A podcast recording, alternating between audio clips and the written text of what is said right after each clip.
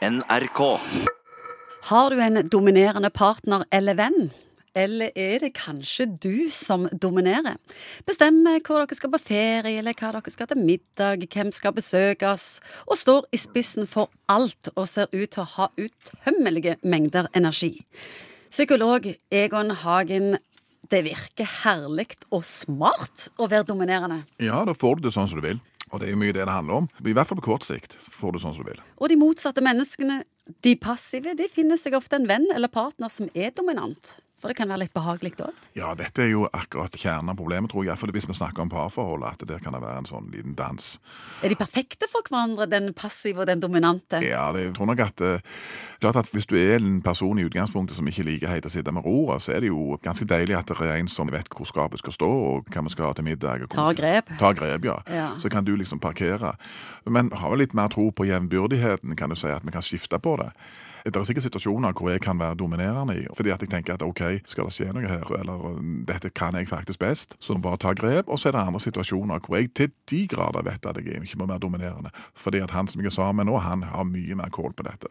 Hvis du har en bestevenn eller en partner som du syns er i overkant dominerende, hvordan griper en da an en sånn situasjon for at det skal gå så smooth som mulig? Jeg kan ikke bare si, kan ikke jeg prøve noe, kan vi ikke gjøre sånn som jeg vil? Altså, det er ikke bare å legge deg flat, for hvis du legger deg flat og bare kapitulerer, så vil du selvfølgelig bare spille han andre mer og mer dominerende, og du får liksom mer og mer av den rollen. Rollene kan være ganske innarbeida. Og det du kanskje oppdager, er at du har ulike roller i forhold til ulike folk, og ikke minst også ulike aktiviteter. Og Det er kanskje sunt? Ja, noe av det synes jeg er helt uproblematisk, for vi tar jo på forskjellige hatter hele veien. Og det å kunne spille på og tilpasse seg situasjonen er i utgangspunktet en god ting.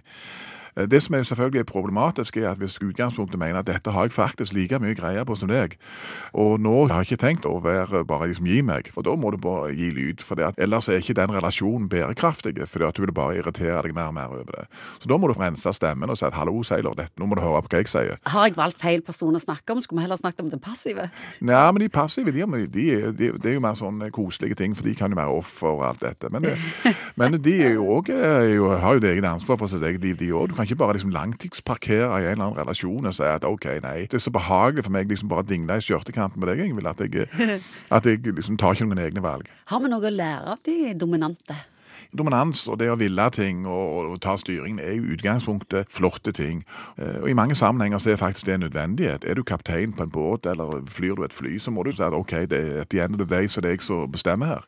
Og du kan liksom ikke springe rundt og spørre hva alle andre vil, for det er du som har faktisk ansvar. Og så er det selvfølgelig andre situasjoner igjen hvor dette kan bli mer problematisk. For du drar med deg overlegerroller, for eksempel, sier sånn, i en sammenheng hvor det ikke passer. Og der du ikke har greie på ting? Og der du egentlig ikke har mer greie på den andre, så, eh, så må du rolig nå, liksom, for da, får du motstand. Ja, hva er det en dominant person skal være obs på? Det er taktskifter. Å si at ok, noen ganger så er det helt riktig, og noen ganger så får du òg fullmakt fra de andre til å gjøre det. Fordi at det ligger i kortet at det er det du som holder i roret, eller at du har spesielle forutsetninger akkurat i forhold til dette. Og så må du være lydhør, for det gjelder faktisk i, alle sammenhenger. Så må du kunne ta de taktskiftene, og så kunne du stille deg fint bak andre noen ganger. Og jobbe litt grann i forhold til din egen sosiale fleksibilitet, sånn at du ikke bare blir en sånn pappfigur som har bare et kort å spille, det er brumlebassekortet. NRK.